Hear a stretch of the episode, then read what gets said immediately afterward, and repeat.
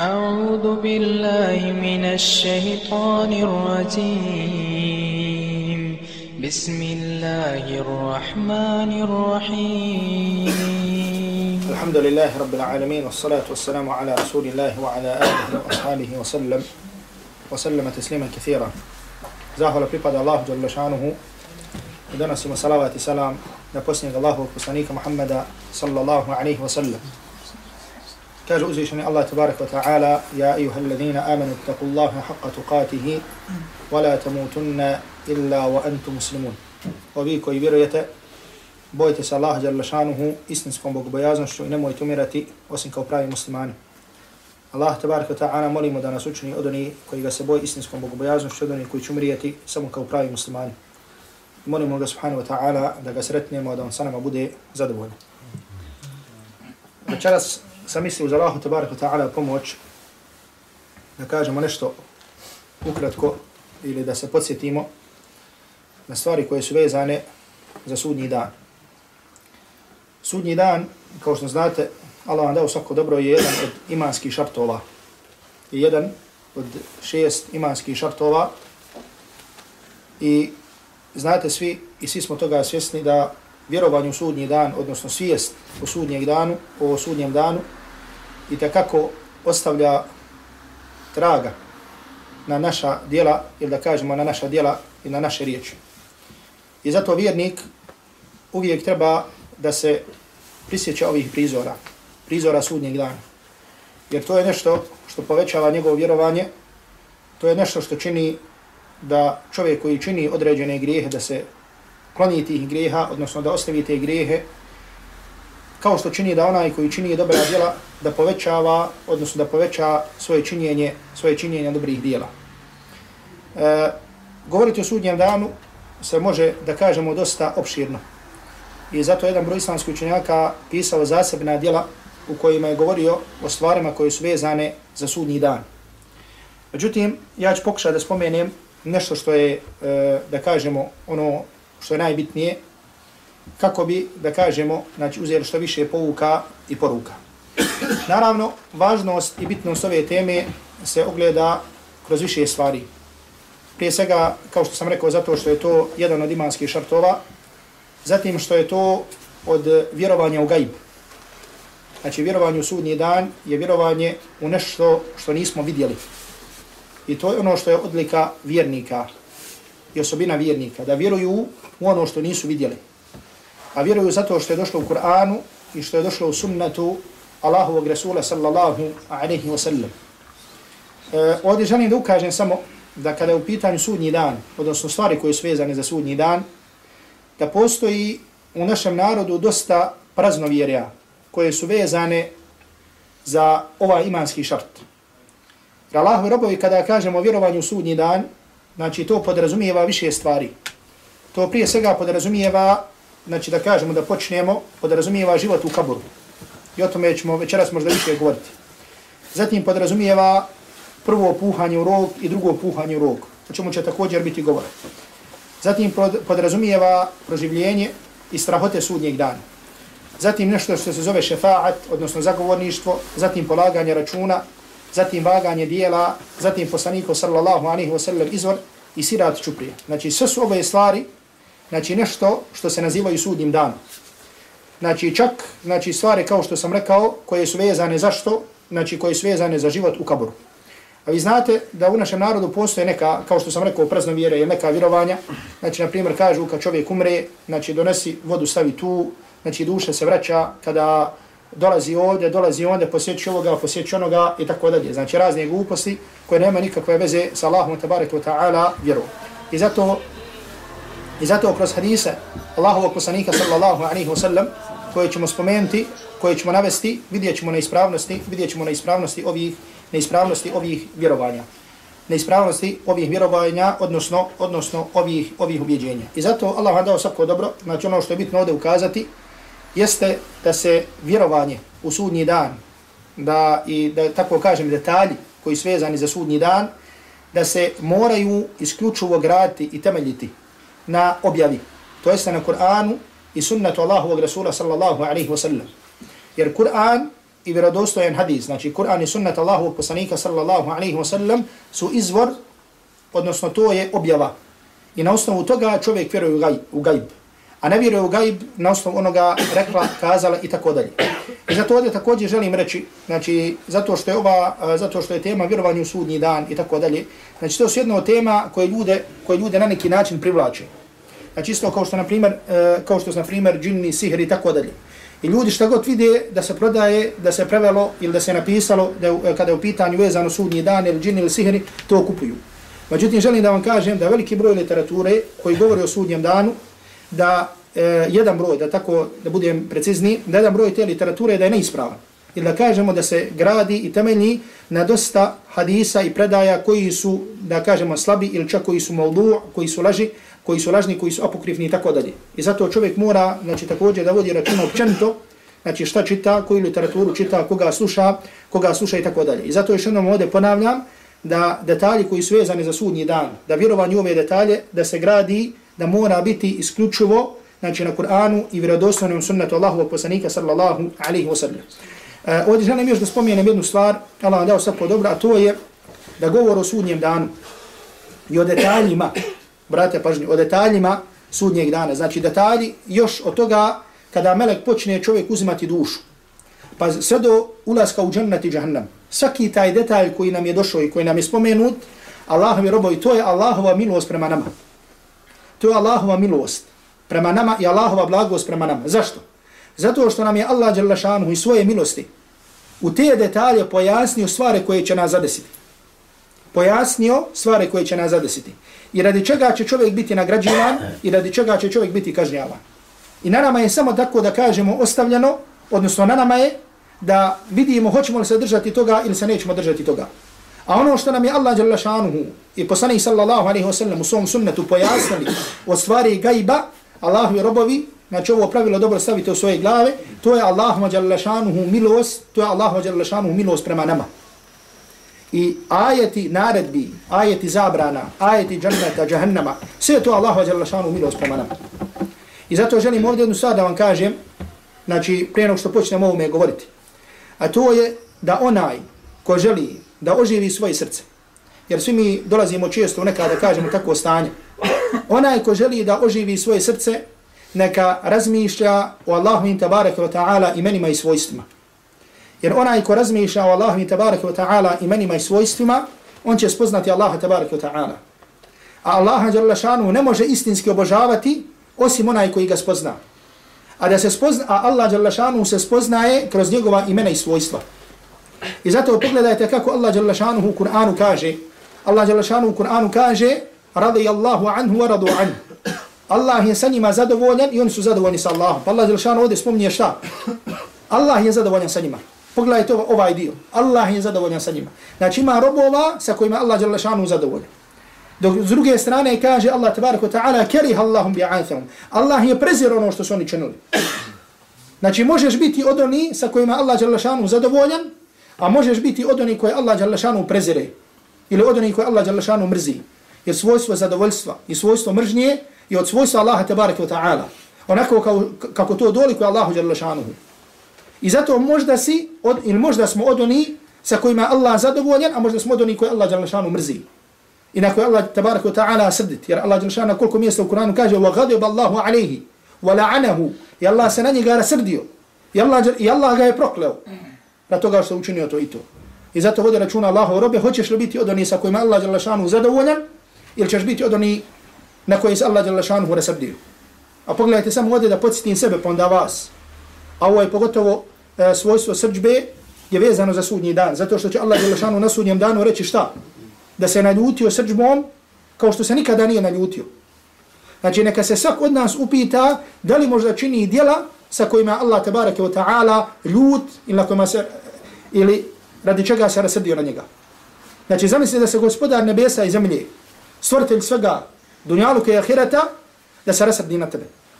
Znači kada bi bilo, kada bi se desilo da živiš u gradu i da u tom gradu troje, četvoro, petoro uglednih ljudi i građana, neki koji su na nekoj funkciji, na nekom položaju, da, da su ljuti na tebe, što bi to značilo za tebe? Bili se raspitao svojim djelima. A zamisli da je gospodar nebesa i zemlje ljut na tebe. Da možda činiš djelo ili ustrajavaš na djelu koje uzrekuje Allahu tabaraka wa ta'ala, uzrekuje Allahu tabaraka wa ta'ala srđbu. I zato danas Allah Đelešanu učini od onih sa kojima Allah Đelešanu zadovoljan, a ne od onih na koje Allah Đelešanu ljut ili srdit ili koje Allah tabaraka wa ta'ala prezeli. I zato Allahovi robovi, znači ovdje samo napominjem i kažem da ne može istinski robovat Allahu Đalešanuhu osim onaj koji je spoznao Allaha Đalešanuhu. A Allah Đalešanuhu se spoznaje kroz njegova lijepa imena i svojstva. I zato Allah Đalešanuhu kao što nam govori da je milostivi samilosni, isto tako nam kaže da on, on taj koji se osvećuje. Muntakim min al-muđenimin, da onaj, inna minal mujrimina muntaqimun da onaj koji se sveti oni, onima koji čine grijehe. Znači Allah Đelešanu rad tvoj grijeha koji činiš, Allah Đelešanu se može sveti. Kako? Da te kazni na dunjalu i da te kazni na ahiretu I zato moli Allah Đelešanu da ti Allah Đelešanu oprosti i sakrije tvoje grijehe. E, kada je u pitanju sudnji dan, znači ono što Znači, prije nego što počnem spominjati, odnosno govoriti o hadisma koji su vezani za sudnji dan, naravno, znate, Allah vam dao svako dobro, da je Allah Đelešanuhu učinio, da je od Allahove tabare ta'ala mudrosti, da čovjek ima, da tako kažemo, tri kuće, ili tri perioda, ili tri boravka. Prvi boravak je boravak na Dunjaluku. Znači, to je jedan život. I to je jedan život za koji važe određena pravila. Zatim ima drugi život koji se zove život u kaboru, život u berzahu. I ovo je stvar gdje veliki broj ljudi ovo malo poznaju, da kažemo skoro nikako. Znači postoji nešto što se zove život u kaboru, berzahu. I taj život, kao što ćemo spomenuti, život i dušom i tijelom. I treća stvar jeste život na ahiretu. Znači, a to je sudnji dan, a to je džannet i to je džahannam.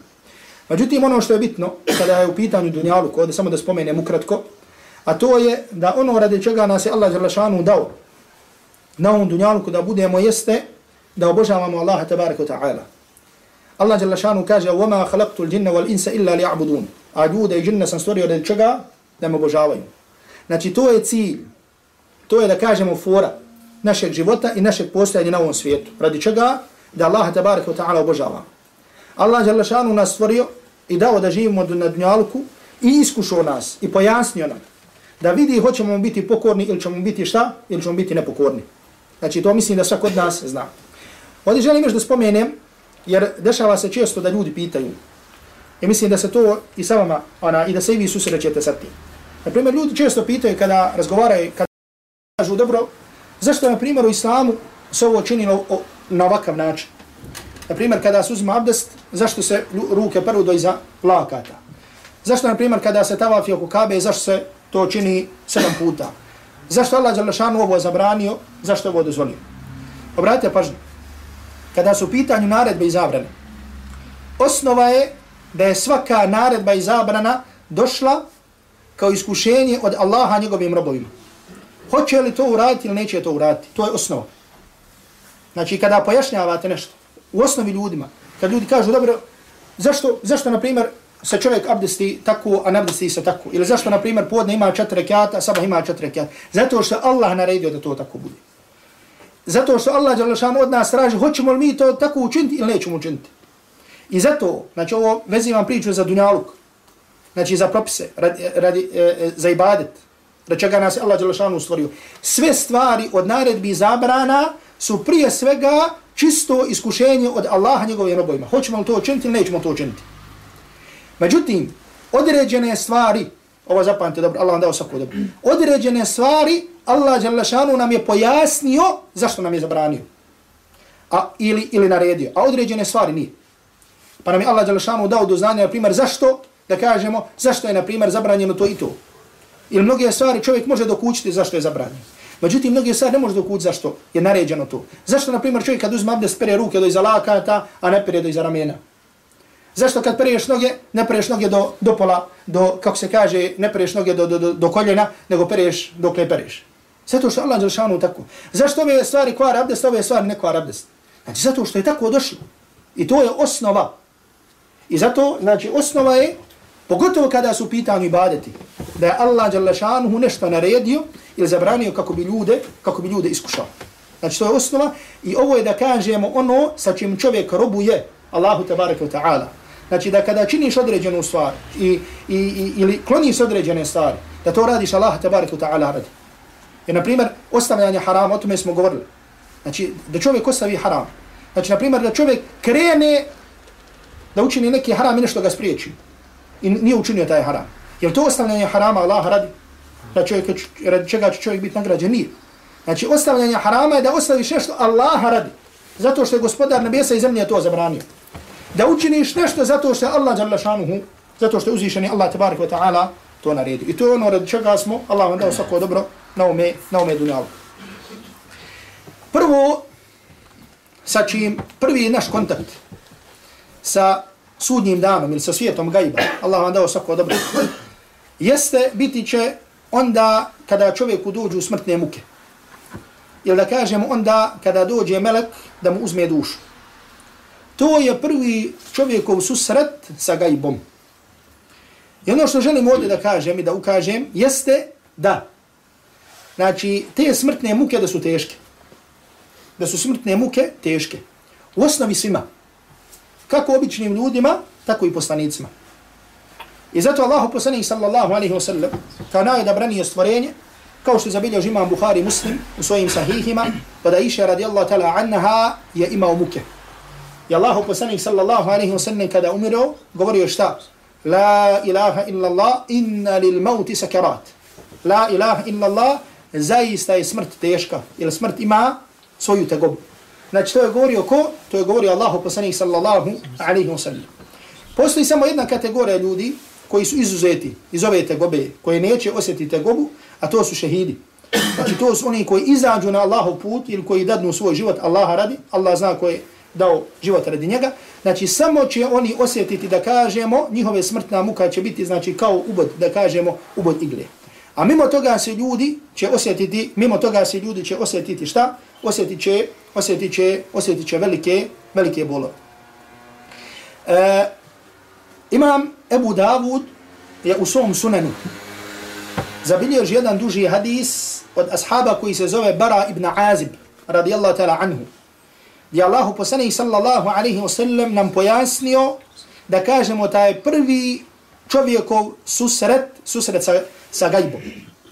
Pa ovaj ashab Allahu poslanika sallallahu alaihi wasallam kaže da su jedne prilike izašli da klanjaju dženazu čovjeku, odnosno ashabu Ensari, znači koji je bio od stanovnika Medine. Pa kaže, došli smo na mezari, na kabur, tamo gdje će biti ukopan. Pa kaže, pa je poslanik sallallahu alaihi wa sallam sjeo. Pa kaže, Bara ibn Azib, وَجَلَسْنَا حَوْلَهُ كَأَنَّ عَلَى رُؤُسِنَا الطَّيْرِ A mi smo sjeli, kaže, oko poslanika sallallahu alaihi wa sallam, kao da su nam na glavama bile ptice. Znači ovo je jedna e, da kažem, ovaj dio hadisa, želim malo da se na njemu zadržim. A to je da ovaj ashab kaže da su sjedili oko poslanika sallallahu alaihi wa sallam kana ala ru'usina tajr. Kao da su na našim glavama bile ptice. Šta znači kao da su na našim glavama bile ptice? Znači tako su bili mirni.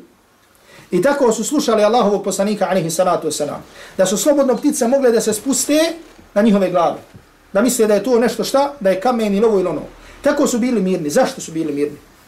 Zato što su slušali šta govori Allahu poslanik sallallahu alaihi wa sallam. Jer to, na takav način su živjeli, znači, zamislite sada ovdje da ovako kažem, način kako su živjeli ashabi Allahovog poslanika alaihi salatu wasalam i kako su slušali Allahovog poslanika sallallahu alaihi wa sallam da govori. I šta je za njih značilo ono što izađe iz usta Allahovog poslanika sallallahu alaihi wa sallam. I da ga Allahu Allahov poslanika alaihi salatu wasalam nije govorio priče od sebe. Sve ono što bi izašlo iz usta poslanika alaihi salatu wasalam, to je bilo šta? To je bila objava. To je bila objava. Voma yantiqu anil hawa in huwa illa wahyu yuha. On ne govori po svom hiru, nego je to šta? To je objava koja mu se objavljuje. I ta činjenica, da ono što izlazi iz usta poslanika sallallahu alaihi wasallam, da je to objava, to je učinilo ashabi Allahovog poslanika alaihi salatu wasalam, da su tako posmatrali poslanika alaihi salatu wasalam. To je učinilo učenjake poslije, da su išli hiljadama kilometara u potrazi za samo jednim hadisom od Allahovog poslanika sallallahu alaihi wa sallam. Jer ono što izađe iz usta Allahovog poslanika alaihi salatu wasalam, draga braćo, to je znanje i uputa. To je korisno znanje. Znači, to je nešto što ti može koristiti, to je nešto što ti koristi na dunjalu i na ahiretu. Pogledajte koliko, oko koliko se, oko koliko se raznih stvari, da kažemo nauka, sportova, ovog, on, ljudi toliko umaraju, A možda nema Možda ima, sigurno u svim stvarima ima neke koristi. Ima, međutim, tu je neka dunjalučka korist. Međutim, pogledaj objava, ova vjera islam, Kur'an i sunnat, znači, da kažemo, koristi na dunjaluku i na hiretu.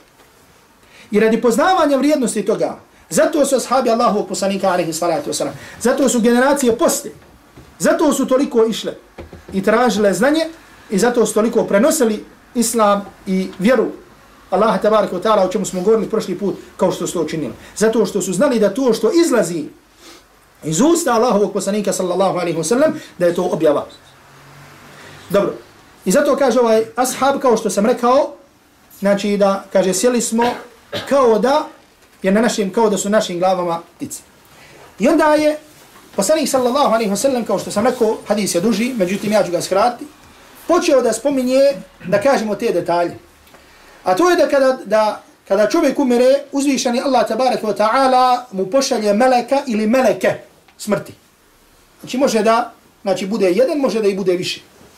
Međutim ono što je kod nas poznato da se melek smrti zove Azraim, to je neispravno. Zato što ne postoji ni jedan vjerodostojan hadis od Allahovog poslanika alaihi salatu wasalam da se melek smrti zove Azraim. To su predaje kršćanske. Znači to su predaje od kršćana i židova koji su meleka smrti nazivali, odnosno da je u njihovim knjigama došlo da se zove Azrail. Međutim, nikakva predaja nije došla hadisu poslanika sallallahu alaihi wasallam da se zove Azrail, nego ispravno reći melek, melek smrti. I melek smrti kada uzme čovjekovu dušu, ta duša ide ka nebu. Međutim, ne ide svaka duša isto. Ima duša koja dođe do prvog neba i odmah se vrati. Ima duša koji idu sve do sedmog neba. I onda duše vjernika, dobre duše, znači vjerničke duše, znači svaki put kada prođu pored skupine meleka, jer svako nebo, Allah vam dao svako dobro, ima svoje stanovnike. Svaki put kada prođu pored skupine meleka, znači ti meleki mu nazovu salam i dove za njega. Međutim, griješna i nevjernička duša, svaki put kada prođe pored skupine meleka, znači meleci ne mogu da nesu. Uglavnom, nakon toga jedna i druga duša, svaka duša se vrati u kabur. Svaka duša se šta? Vrati u kabur. I tu počinje nešto što se zove život u kaburu.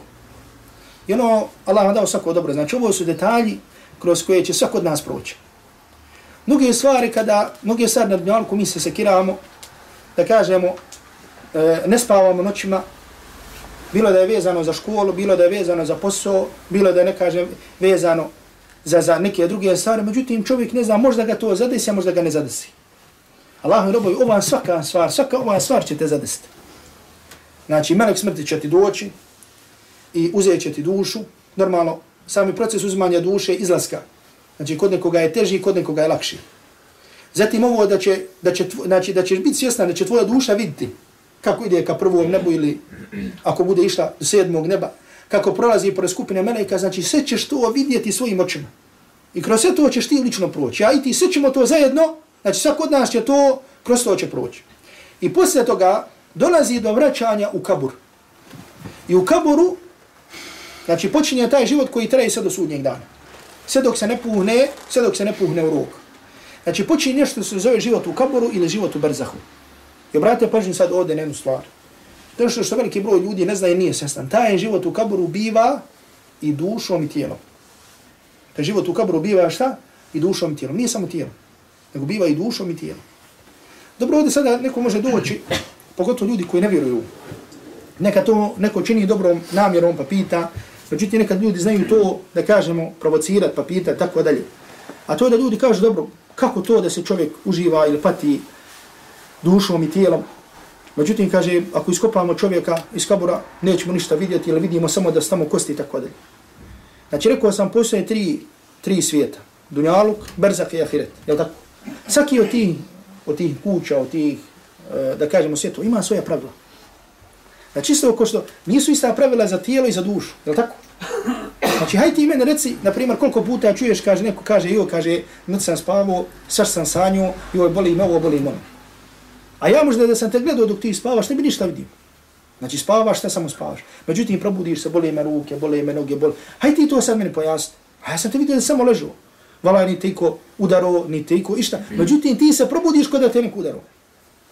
Ili doživio si neki strah, međutim ja kad gledam tvoje tijelo, ti izbio miran. Niko te nije ni preplašio, ni zastrašio, ništa. Zašto je to tako desno? Zato što ima tijelo, ima duša. Pa čovjek kada spava, ta njegova duša šta? Odlazi. Ali ostaje u vezi sa tijelom. Ne napušta tijelo potpuno. I zato je san, da kažemo, mala smrt.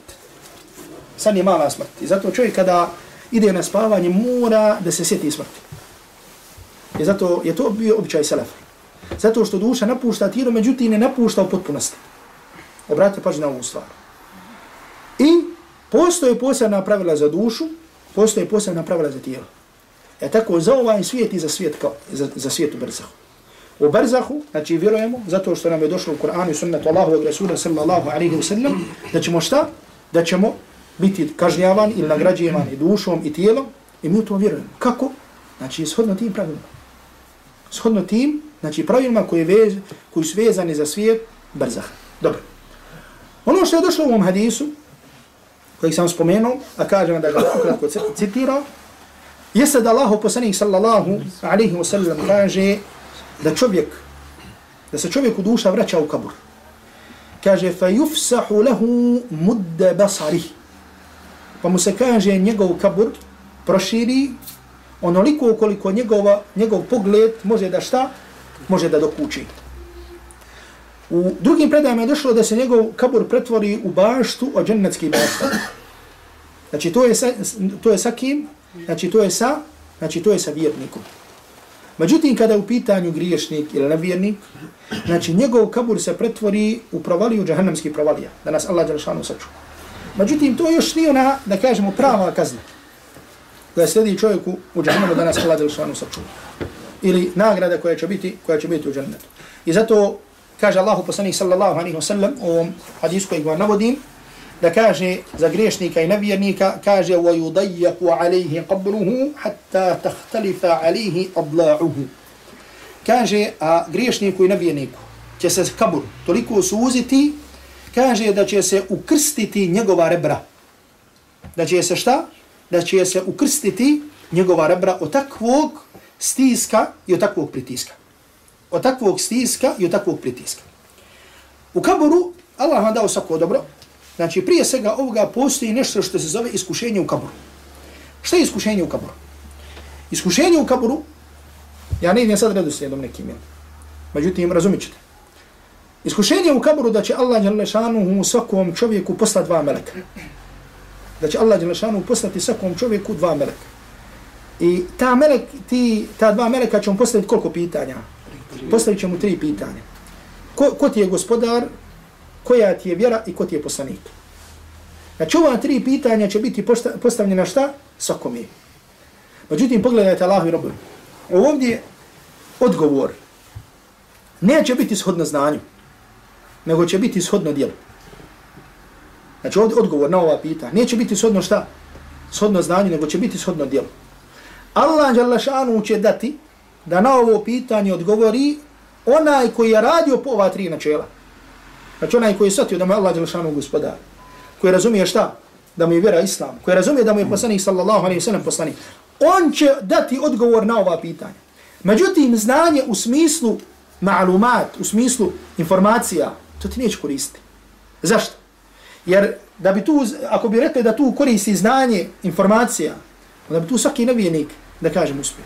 Zašto? Ima li danas čovjeka na dunjaluku, a da ne zna da muslimani obožavaju Allaha, da im je vjera islam i da im je poslanik Muhammed sallallahu alaihi wa sallam. Znači da je shodno čemu? Da je shodno znanju, onda bi svaki nevjernik, bar u ovom da kažemo sad vremenu, kada su liko proširilo informacije o islamu, onda bi svaki licemjer također mogao da dadne odgovor na ta pitanja. Međutim, odgovor na ta pitanja neće biti, neće biti šta? Neće biti shodno informaciji, da kažemo, ili samo znanju, nego će biti shodno dijelu. I zato još jednom ovdje napomnijem i kažem, Znači, Allah i robovi, pogledajte važnost dijela. Znači, dovoljno ovaj hadis, ovu stvar da razumijemo. Znači, ko ti je gospodar? Znači, pitanje. Ko ti je gospodar? Koja ti je vera i ko ti je poslanik? Znači, bit će dato da odgovori, odgovorit će na to onaj koji je radio po tome. Onaj ko nije radio po tome, šta će reći? Znači, u hadisu je došlo, čuo sam ljude da kažu tako i tako. Čuo sam ljude da kažu tako i tako. Čuo sam ljude da kažu tako i tako. Međutim, dok vjernik koji je radio po tome, يُثَبِّتُ اللَّهُ الَّذِينَ آمَنُوا بِالْقَوْلِ الثَّابِتِ فِي الْحَيَاةِ دُنْيَا وَفِي الْآخِرَةِ Allah dželešanu kaže mi ćemo postojanom riječu učvrstiti one koji su vjerovali. Učvrstiti gdje? Tako što će u kaburu dati odgovor, odgovor na ova pitanja. I zato još jednom ponavljam kažem Allah nam dao svako dobro. Pogledajte važnost i bitnost dijela ovoj našoj vjeri. Znači ne kao što ljudi razumiju, kažu ljudi, jo ja volim Allah. Allah mi kaže ja volim Allah. Ljudi kažu, jo i mene kaže dedo, ma nije, nije silazio sa postrčije. Kaže, ja uplatim, znaš, on uplatim ja kurban, znam nekad, kako se kaže, čak i postiti, za bajna motiviću džami i tako dalje. Allahu robovi, to nije Allahova vjera. Allahova vjera je vjerovanje, kao što smo rekli, očitovanje i dijelo. I valla i to se može naučiti. Znači za pet minuta. I Allah mi kogod živi u sredini gdje ima jezana, neće imati opravdanje da kaže, ja valla nisam znao. To što si ti bila bio neinteresan, to je bila tvoj problem. Isto što je moj problem, što sam ja neinteresovan, za ovaj futbalski klub ili za onaj futbalski klub. To me ne interesuje. Ili tebe možda ne interesuje. Ovoga ne interesuje, atletika ovoga ne interesuje. Što ljude ne interesuje Allahova vjera, to je bila njihov problem. Je li došao Kur'an? Jes. Je li, je li ima džamija? Ima. Je li, je li ima mogućnost da nauči na kraju krajeva? Jest. Gotova stvar. To vala što si okrenuo glavu, to je, ili što je neko okrenuo glavu, to je tvoj ili njegov problem. I zato Allahovi robovi, znači pogledajte djela. A vjeru ko hoće da nauči, Vala je može za 10 minuta naučiti. Hadis je zabilježi imam Buhari i muslim u svojim sahihima. Da je došla delegacija Allahovom poslaniku sallallahu alaihi wa sallam. Pa kaže poslanik sallallahu alaihi wa sallam, medin. Ko je delegacija? Pa kažu Allahov poslanića Rabija. Ljudi iz plemena Rabija. Pa kaže poslanik sallallahu alaihi wa sallam, merhaban bil wafdi gajra hazaja wala nadama. Dobrodošli. Pa kaže Allahov poslanića inna na'tika min shuqqatin ba'idatin. Kaže Allah poslanič, mi ti dolazimo od iz daleka. Wa inna baynaka wa inna baynana wa baynaka hadha al-hayy min kuffar mudar. A kaže između nas i tebe je ova mahala da kažemo ili znači područje plemena mudar nevjerničkog plemena sa kojim su oni bili šta? U sukobu. Wala nastati an na'tiyaka illa fi shahrin haram. I ne možemo ti doći osim u svetom mjesecu. Sveti mjesecu bili šta? Mjeseci kada Arapi nisu ha? ratovali. Znači nisu ratovali. I samo ti tada možemo doći. Znači pogledajte, čuli su oni tada Arapi, Beduini, pleme. Nema auta, nema ništa. Čuli su da ima šta? Da ima poslanik. Pa smo otišli. Pa došli poslaniku, alaihi salatu wasalam, i kažu, famurna bi amrin, famurna bi amrin, pa nam kaže nešto naredi. Poduči nam šta je to islam. Nuhbiru bihi man wara'ana. Da podučimo ili obavijestimo one koji su iza nas ostali, naše pleme. I to je ono što smo govorili o pozivanju islamu. Znači pogledajte kako su pozivali. Kaže nedhulu bihi l-đanna i kaže da tako uđemo u džennet. Pa im je kaže poslanik sallallahu alaihi sallam fa amarahum bi arba'in wa nahahum an arba'in. Pa im je naredio četiri stvari i zabranio im je četiri stvari. Amarahum bil iman billahi wahda. Naredio im je iman u Allaha jednog jedinog. Pa im je rekao, etadaruna mal iman. Znate li šta je iman? Pa su rekli, Allah i njegov poslanik najbolje znaju. Pa im poslanik, ali salatu wasalam, rekao, šehadet la ilaha illallah Muhammadu Rasulullah, da obavljaš namaz, da daje zakat i da postiš mjesec, da, da, da, da, da, da daješ zakat i da, da dajete petinu odratnog plijena. E, plijena. Znači nije spomenut, nije spomenut šta? Nije spomenut hađ. I nije spomenut također zekijat. Zašto? Zato što jedan broj ulema kaže ili tada još nije bio propisan, ili, su, ili je poslanik Anihi Salatu Wasalam vidio da nisu obavezni, pa im, pa im nije rekao da to, kako se kaže, dadnu, zato što nisu bili obavezni da dadnu, dadnu zakat. Međutim, u svakom slučaju, pogledajte jednostavnost Allahovi robovi. Pogledajte jednostavnost ove vjeri. Znači da dođe neko, zamisli ti sada, bil ti znao da ti dođe čovjek i kaže, a to se dešava. Evo ja hoću da prihvatim islam. Evo ja hoću da prihvatim islam. Dem Boga ti reci Allah, dem, dem reci Allah šta je islam. Bili znao čovjeku da kažem u pola sata reći šta je islam. Naravno ima oni koji kažu neka ne možeš primiti islam. Allah ima takvi ljudi, znači koji tako razumiju. Znači znam, ovi da kažemo službenici, dođe, dođe čovjek koji da primi islam, kaže nemoj Boga primiti islam. Ima ja problema, kao se kaže, ti primiš islam ovdje u moj To, to se dešava. I vrati čovjeka, ovdje bila da ostane na svom kufru. Jer ako primi negdje neki vlah islam, to će biti šta? Aman zaman. Dođe čovjek, da ne spominjem sada primjer, dođe i kaže, hoću da primim islam, ovaj mefendija kaže, ne može, ne može primati islam ovdje kod mene. Ne mora, ja ti tamo, kako se kaže, moli se, ali nemoj primati islam. Allah, ali zamisli da ti dođe neko i da ti kaže, hoću da prihvatim islam, šta je to islam? Znači, trebaš da znaš u najkraćim crta da mu rekne šta je Allahova vjera. Kako da obožava Allaha i da obožavajući Allaha Đalešan uđe u džennet. I zato Allahovi robovi, znači, pogledajte. Znači, ova vjera je jednostavna i ova vjera je jasna. I ova vjera, znači, ne može ljepša biti. Pogledajte kako dođu Allahom poslaniku, alaihi sallatu wasalam, i kaže Allahom poslan tu, ha? Znači, došli smo ti odate, došli smo ti toliko, znači, podučna, znači, recam, recam šta je to islam. Recam šta je to. A danas imaš, znači, ljudi kad priča o islamu, priča, Allah mi dva sata, ništa ne zna šta je rekao. Znači, priča o ovome, priča, ništa, znači, ni, ništa ga ne može razumjeti. Šta je rekao? Na kakvu mliječni pute i nekakvo filozofski pute, na kakve ovi pute, na kakve ovi pute. Allah je, je li to ono što je došlo u Koranu i sunnetu? Allahu poslanika sallallahu alaihi wa sallam. U svakom slučaju, znači da se vratimo na ove stvari kabura, kabura. Znači tri pitanja koje će biti postavljena čovjeku u kaboru, a to su ko ti je gospodar, koja ti je vjera i koje ti, ko ti je poslanik. I zato ovdje kažem znači, da će ta, da će odgovor na ta pitanja biti data shodno čemu?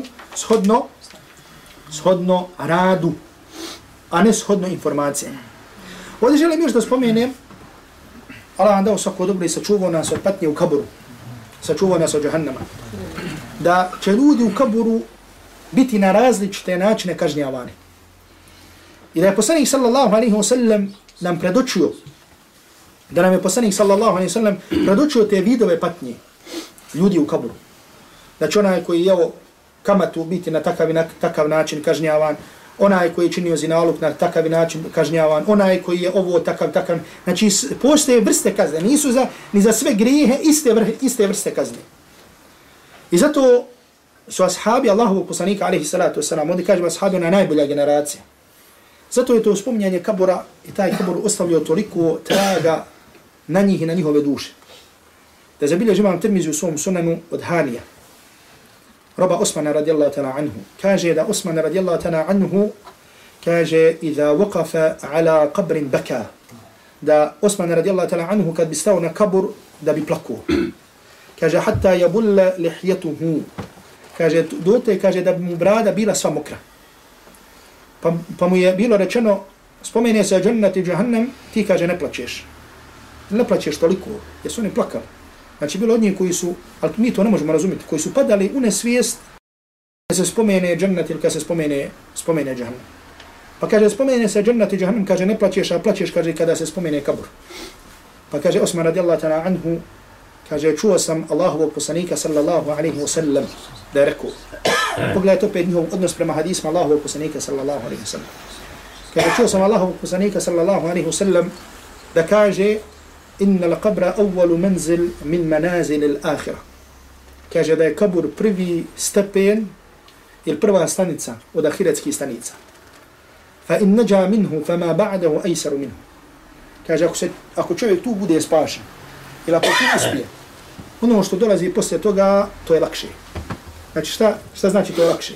Znači ako je ovdje dobro, sigurno i tamo da ćemo biti dobro. Znači zato što je to znak kako će čovjeku biti na ahiretu. Kaže, ako ne uspije tu, onda ono što dolazi posle toga mu je teže. I kaže, čuo sam poslanika sallallahu alaihi wa sallam da kaže, ma ra'aytu. I ovo zapamti, to je bar ovaj dio hadisa.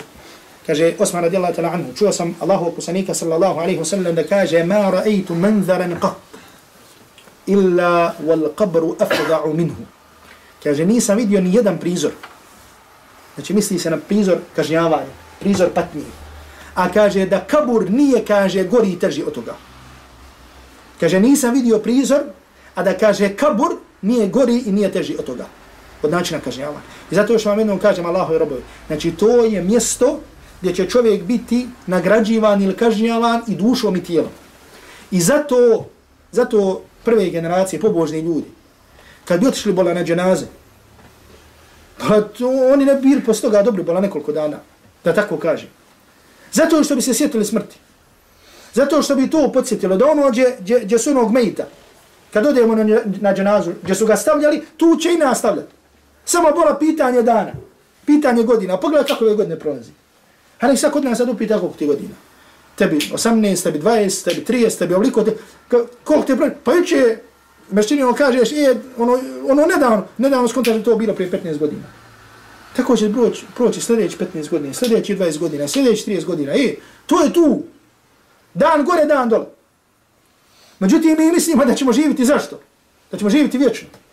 I zato musliman treba da se sprema za smrt kao svaki dan da će umrijeti. Svaki dan kao da će umrijeti.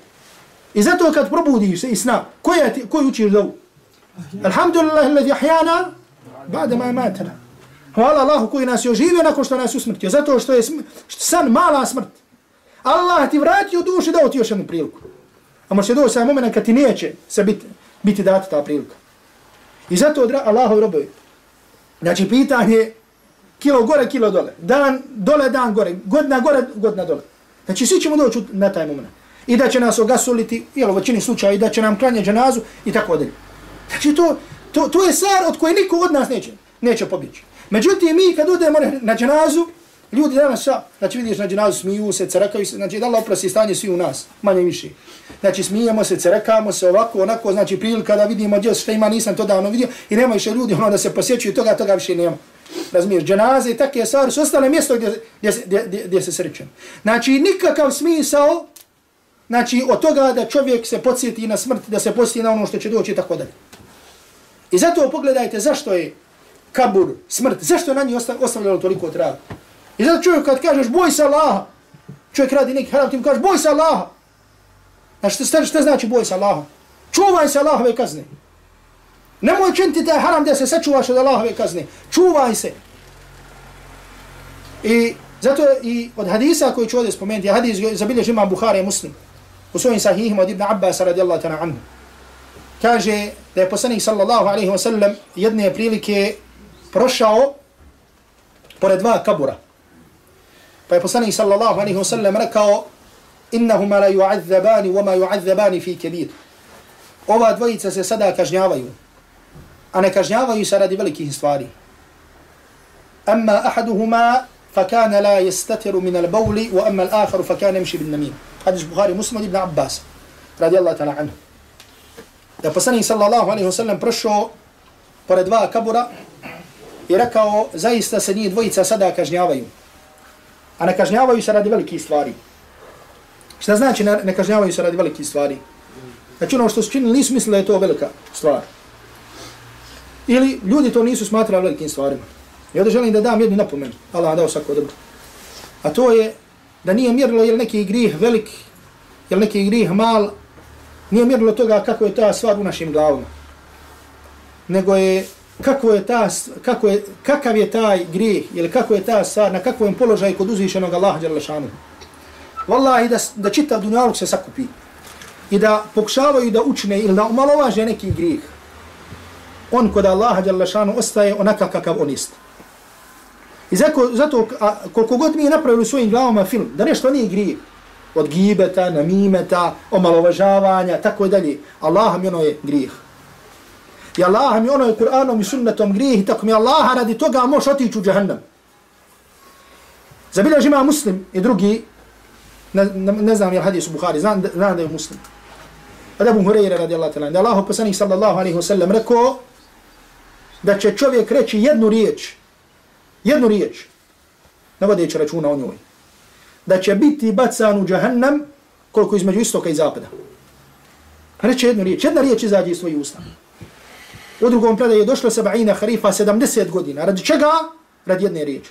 Radi jezika. I zato jezik je od, od najvećih zala koje čovjek ima. I zato što mi nekad omalovažimo sebi, umanjimo sebi pogled, da ne kažemo neki drugi haram, da kažemo trgovinu ovakvu ili onakvu, da kažemo ovo ili ono, znači to bila kod Allaha jalla šanuhu, ostaje kako ono jes. Ili možeš ti sebi ufurat neki film da ono što ti raže je to veliko, veliko, a ne može ono bez nekih stvari da tako kažemo da se pika. Čovjek kaže, ja Allah pomažem sirotinji, ja radim, valaj sve to mašla stvar. Ali Allah ima oni koji ne vjeruju Allaha isto to radi.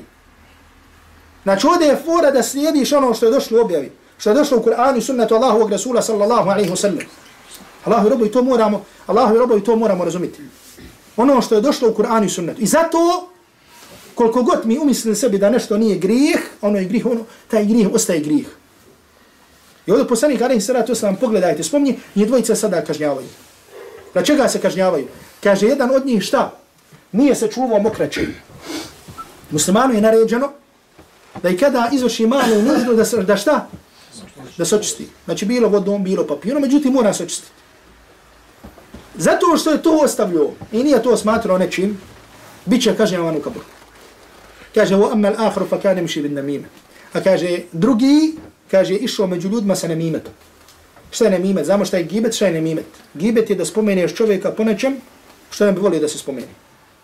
A namimet je da sad slušaš, na primjer, neko da govori o nekome.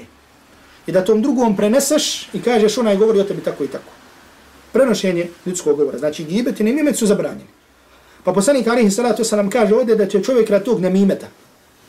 Da će šta? Da će šta? Da će biti kažnjavan. Pogledajte stvar, Allah mi znači, i, i, i mi ove, ove grijehe omalovažava. Pa kako je tek Allahovi robovi, kako će tek biti kažnjavani oni koji ne vode računa o svom namazu? Da kažem, ne vode računa o svom namazu. Znači nije njemu namaz nešto, nije njemu namaz bitna stvar u životu. Ma hajde, Allah će oprostiti. E, ako će čovjek u kaburu biti kažnjavan u kaburu, prije, prije džahnama još, prije džahnama još, radi mokraće i radi namimeta, pa šta je tek onda sa ostavljanjem namaza? Šta je tek onda sa grijesima koji su, da kažemo, znači, da ređama, da ređama iznad ovoga? Znači, šta je tek onda sa tim stvarima? A šta je tek onda sa džahennamom? Da nam Allah djela šanu. Koliko god mi, ovdje napomnijem i kažem, koliko god mi napravim film u svojim glavama da nešto nije grijeh. Znači, Allah i robovi mjerlo je, ili određena stvar, grijeh, mirlo je Kur'an i sunnet Allahovog poslanika, alaihi salatu wasalam. I ovdje želim da vas podsjeti na ono o čemu smo govorili prošli put, a to je dobročinstvo prema roditeljima. To je dobročinstvo prema roditeljima. Mi, na veliku žalost, ili da kažem, većina broj, veliki broj nas, nije razumio dobročinstvo prema roditeljima onako kako je došlo u Kur'anu i sunnetu. Nismo razumeli da je grijeh prema roditeljima ono što je došlo u Kur'anu i sunnetu. Allah Đelešanu nam bola zabranjuje da kažemo uf. Allah Đalašanu kaže فَلَا تَقُلْ لَهُمَا uffin. Znate šta znači riječ uf? Uf, uf, znači uf, uf. Je bila riječ koju Sarapi koristili u vremenu objavljivanja Kur'ana koja je označavala negodovanje. Ono, ma neka ba. Što mi kažemo, jo, aj. Ono, kad trsaš, ali ono, najmanji oblik onog, da kažemo, trsanja. Ono, znači, Arapi su u tom vremenu najmanja, najmanja riječ koju iskoriste bila je uf. Znači, riječ sa kojom se očitovala šta? Negodovanje. To je bila najmanja riječ, najblaža riječ. Kažu mu fesiri, komentator Kur'ana, da je bila riječ koju su koristili u tom vremenu, još blaža od nje, Allah Đelešanu bi ovdje spomenuo. Znači, najmanji vid negodovanja roditelju je šta? Je, je od velikih grijeha. Allah Đelešanu nam zabranjuje da im kažem uf. I kaže, fela taqul lahuma uffin. I zato šta je, tako onda da kažemo sa hadisma gdje poslanik alaihi salatu wasalam, ko što citirali prošli put, gdje poslanik alaihi salatu wasalam tri puta rekao ljudima, ala unabbi'ukum bi akbar al-kabari, ala unabbi'ukum bi, ala unab, hoće li vas obavijestimo najvećim grijesima, hoće li vas obavijestimo najvećim, hoće li vas obavijestimo najvećim grijesima. Pa, pa šta je rekao? Ali širaku billah, širka Allahu jalla šanu, wa uququl walidej, i na poslušnost prema roditelju. Vala mi koliko god hoćemo, možemo u svojim glavama napraviti da ne pošlus, da odnos prema roditelju, da to nije neposlušnost, da nije toliki grih, ali Allaha mi ono po objavi ostaje odmah posle širka. Ono po objavi ostaje odna, odmah posle širka. I ne može se nadat, bola. Ovdje želim samo da napomenem, podsjetim sebe onda i vas, da se ne može Allahovi robovi nadat baričat u svom životu. I hajru. Onaj koji ne ide ispravnim putem. Onaj koji ne ide putem koji ga vodi ka uspjehu. Ne može se nadat. Znači isto ko što dođe, ko što dođe čovjek. Znači ako si, sve može zapasti u neko stanje. Znači u ovo stanje, u ono stanje, u stanje bolesti, u stanje krize, u stanje griješenja. Međutim, Allah je milost. Allah je kaže, wa rahmeti wasi'at kulle še'i. Allahova milost se pokriva. I od Allahove milosti je teuba i pokajanje. I od Allahove milosti je vraćanje Allahu. Svejedno da li se radio da čovjek skroz zglajza, da tako kaže, da skroz ostavi Allahu vjeru ili ostaviš malo ili u nekim stvarima tako. Allahova je milost da se možeš vratiti Allahu dželle. To je Allahu dželle milost. I rekao sam, spominjao sam da Allah dželle šanu kaže da voli one koji se kaju i da voli one koji se njemu vraćaju i da se raduje Allah dželle šanu kad se neko njemu vrati. Allahu i rabbi. Allah dželle šanu, Allah dželle šanu to voli. Međutim kada čovjek spozna svoju grešku ili spozna svoju stramputicu, ne može nastaviti ići tom stramputicom, a nadat se da će mu nešto doći. Čovjek, na primjer, ako se razboli, i ode kod doktora. Znači, šta ode kod doktora, iz kojeg razloga? Da mu dadne lijek, da koristi taj lijek. Neće uzeti taj lijek i ostaviti ga tamo neđe. Neće uzeti taj lijek i gledati o njemu. Neće otići eh, na kafu i govoriti, joj, kako mi je dobro lijek, kako mi je propisao mi ovo, propisao mi ovo, a ti ga ne uzmaš, kako je bala fajdi? To je bilo glupiranje čisto. E zato, znači onaj koji u svom životu ima toliko harama, koji čini harama, ne može se nada bila sreći i, i rahatuk u životu. Da ne kažem, ako hoćeš, ako hoćeš, moraš Allahu robe povećati, Poveća svoja dobra djela, moraš povećati djela, znači čim uzrokom dolazi baričat u čovjeku u život.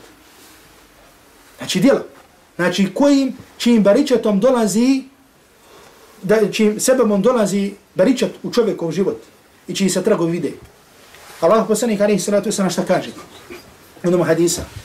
Ko želi, ko želi da mu se yubsatu lahu fi rizqihi, da mu se proširi njegova nafaka. Znači hoćeš da se proširi nafaka, da imaš, da imaš više. Šta kaže poslanik Ali salatu wasalam? Neko održava rodbinske veze.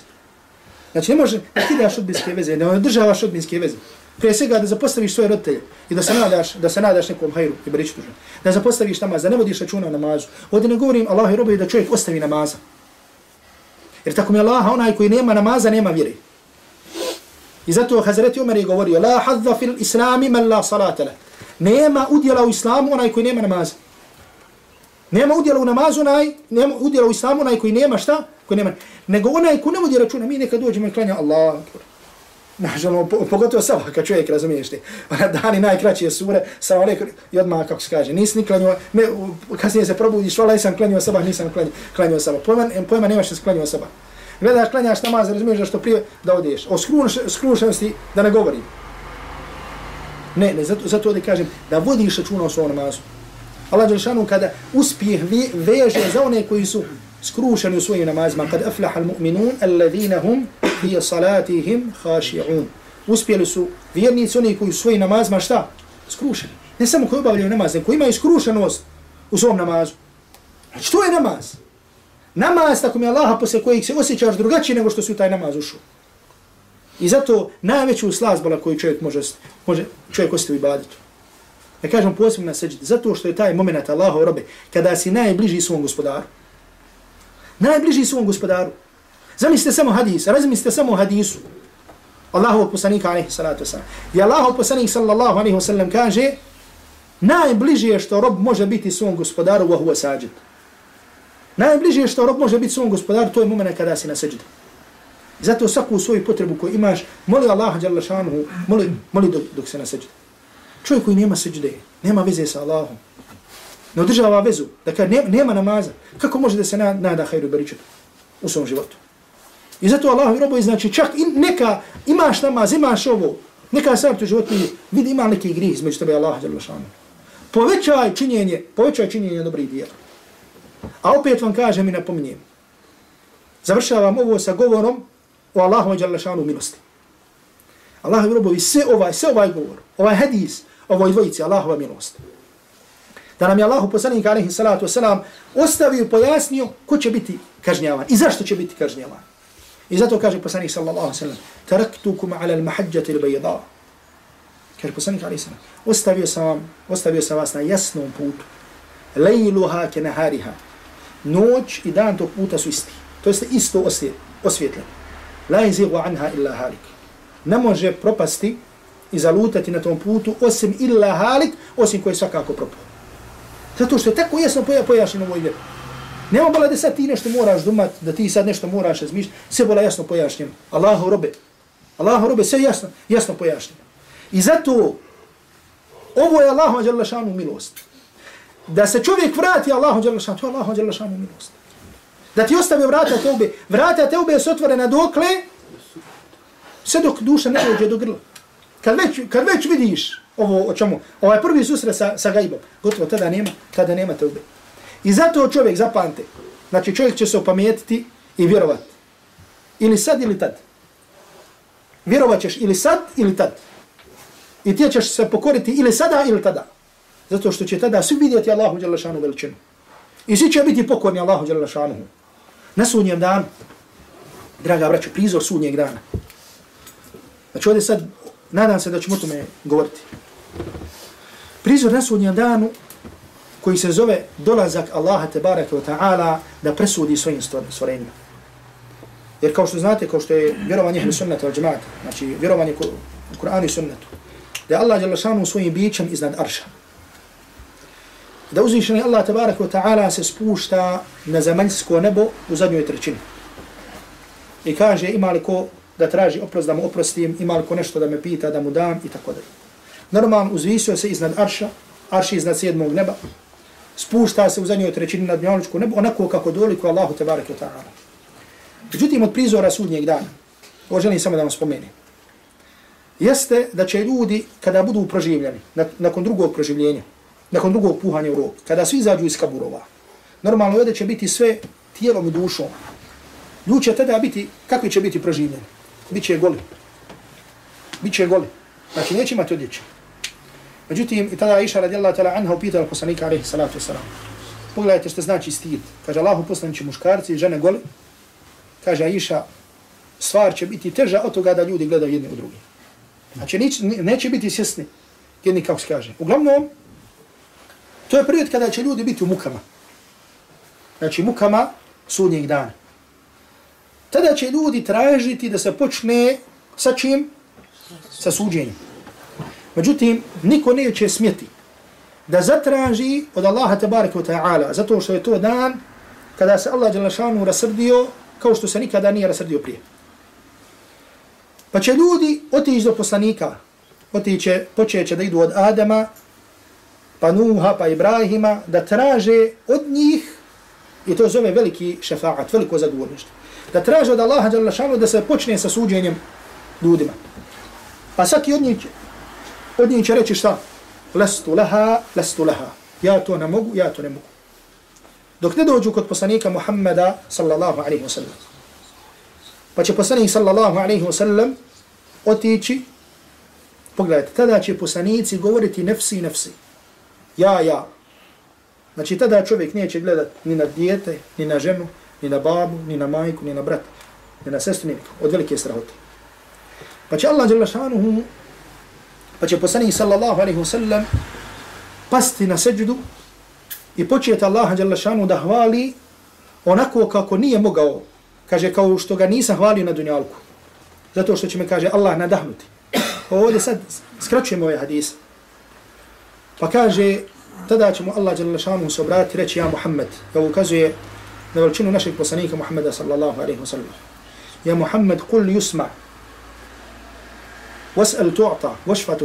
O Muhammede, reci, tvoj govor se sluša ono što kažeš. Traži zagovorništvo, mi ćemo ti dati. Pa će, Allah, pa će poslanik sallallahu sallam tražiti od Allaha jalla šanuhu da šta? Da, da počne se sa sudom. Međutim, taj moment suda, Allah Đalešanu će se tada iznad arša spustiti na zemlju mahšara. Šta je mahšar? Znači, mahšar je gdje će ljudi biti sakupljeni, okupljeni. Znači gdje ćemo mi biti okupljeni. Mi što sad sjedimo ovdje, svojom dušom i svojim tijelom ćemo biti tu. Pa će u tom danu, znači tada će ljudi biti vođeni ka tom mjestu okupljanja. Znači bit će ljudi šta? Bit će vođeni. Uglavnom, od momenata koji će se tada desiti jeste da će nebesa početi da pucaju. Da će nebesa šta? Znači početi da pucaju. I meleki sa svakog neba će početi da se spuštaju. Pa meleki sa prvog neba će doći do ljudi koji su na mahšaru. Pa će ih obuhatiti. A znate li koliko, je, koliko prvo nebo ima stanovnika sam? Meleka. Pa će tako drugo nebo. Pa će tako treće nebo. Pa će tako četvrto nebo. Odnosno stanovnici četvrtog neba. Pa petog neba. Pa šestog neba. Pa sedmog neba. Pa će, i svi će biti u safove poredani. I prvi će obuhvatiti sve ljude na mahšaru. To su ljudi, svaka duša od Adama a.s. pa sve do nasupanja sudnjeg dana. I svako drugo nebo, stavnici drugog neba će obuhvatiti stavnike onoga neba ispod. I zato zamislite veličinu, i zato ajet koji mi sada pao na pamet, kaže Allah Đelšanu, وَمَا يَعْلَمُ جُنُودَ رَبِّكَ إِلَّهُ A vojske tvojeg gospodara poznaje samo on. Vojske tvojeg gospodara poznaje samo on. I zato pogledajte Allahovi robovi koliko je čovjek si čušan. Pa onda, kada se oni spuste, zemlja će se osvijetliti. وَأَشْرَقَتِ الْأَرْضُ بِنُورِ رَبِّهَا I zemlja će se osvijetliti nurom tvojeg gospodara. Zato što će se uzvišeni Allah tabaraka wa ta'ala spuštati. I zato poslije ti stavnika sada nebesa će doći Allahovi odabrani meleki. Poslije čega će doći Allah subhanahu wa ta'ala koji, će se, koji će se spustiti. Neka je uzvišen on subhanahu wa ta'ala. I onda će početi sa presudom, odnosno sa sudom. I zato kaže Allah jalla šanuhu Hel yanzurun Kada se obraća ovaj ajet dolazi u kontekstu Znači sad sam ovdje spomenuo ovaj događaj I spominjem vam sad ovaj ajet koji ću spomenuti da dolazi u kontekstu prijetnije nevjernika i griješnika. Hel yanzuruna illa an ya'tiyahum Allahu fi zulalin min al-ghamami wal malaikatu wa qudiya al-amr. Kaže zar oni čekaju? Zar nevjernici i griješnici čekaju da dođe Allah dželle šanuhu u hladu oblaka? Zato što kažu da kada se spuste meleki, da će doći tanki oblak. Da će doći šta? da, da, će, da će doći tanki oblak u kojem će se spustiti uzvišeni Allah subhanahu wa ta'ala. Zar oni čekaju da dođe Allah, da im dođe Allah jalla šanuhu u hladu oblaka, wal malaikatu i meleki, wa kudi al amr i da stvar bude gotova. Sve to što je sad, tada šta? Stvar gotova. Je li sada na dijalku stvar gotova? Nije, imaš prilike. Međutim, tada je gotovo, wa kudi al amr. Wa ila Allahi turđa ul umur.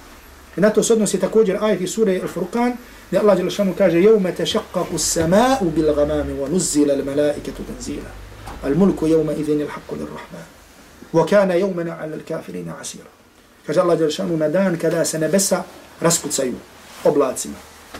وَنُزِّلَ الْمَلَائِكَةُ تَنْزِيلًا i kada se meleci spuste budu spušteni الْمُلْكُ يَوْمَ إِذِنِ الْحَقُّ لِلرَّحْمَنِ Vlas tog dana će pripasti samo milostivo, milostivo. Wa kana yawman ala al-kafirin asira i to će biti dan koji će biti težak nevjernicima. Pa molimo Allaha da nas učini od onih koji se obhode prema tekstovima Kur'ana i sunnata Allahovog Rasula sallallahu alaihi wa sallam onako kako treba. Molim Allah dželle šanehu da nas učini od onih sa kojima je zadovoljan. Molim Allah dželle šanehu da nam olakša taubu i pokajanje i da popravimo, popravimo učini od onih koji obavljaju namaz, obavljaju namaz kako treba, da nas udalji od svega onoga i da udalji od nas sve ono sa čim on subhanahu wa ta'ala nije zadovoljan i da ga sretnemo na sudnjem danu, a da on sa nama bude zadovoljan i da nas okupi inša Allah i ta'ala u džennetu kao što nas je večeras okupio ovdje. Sallallahu ala Muhammedin wa alihi wa sahbihi wa sallam wa sallam wa sallam.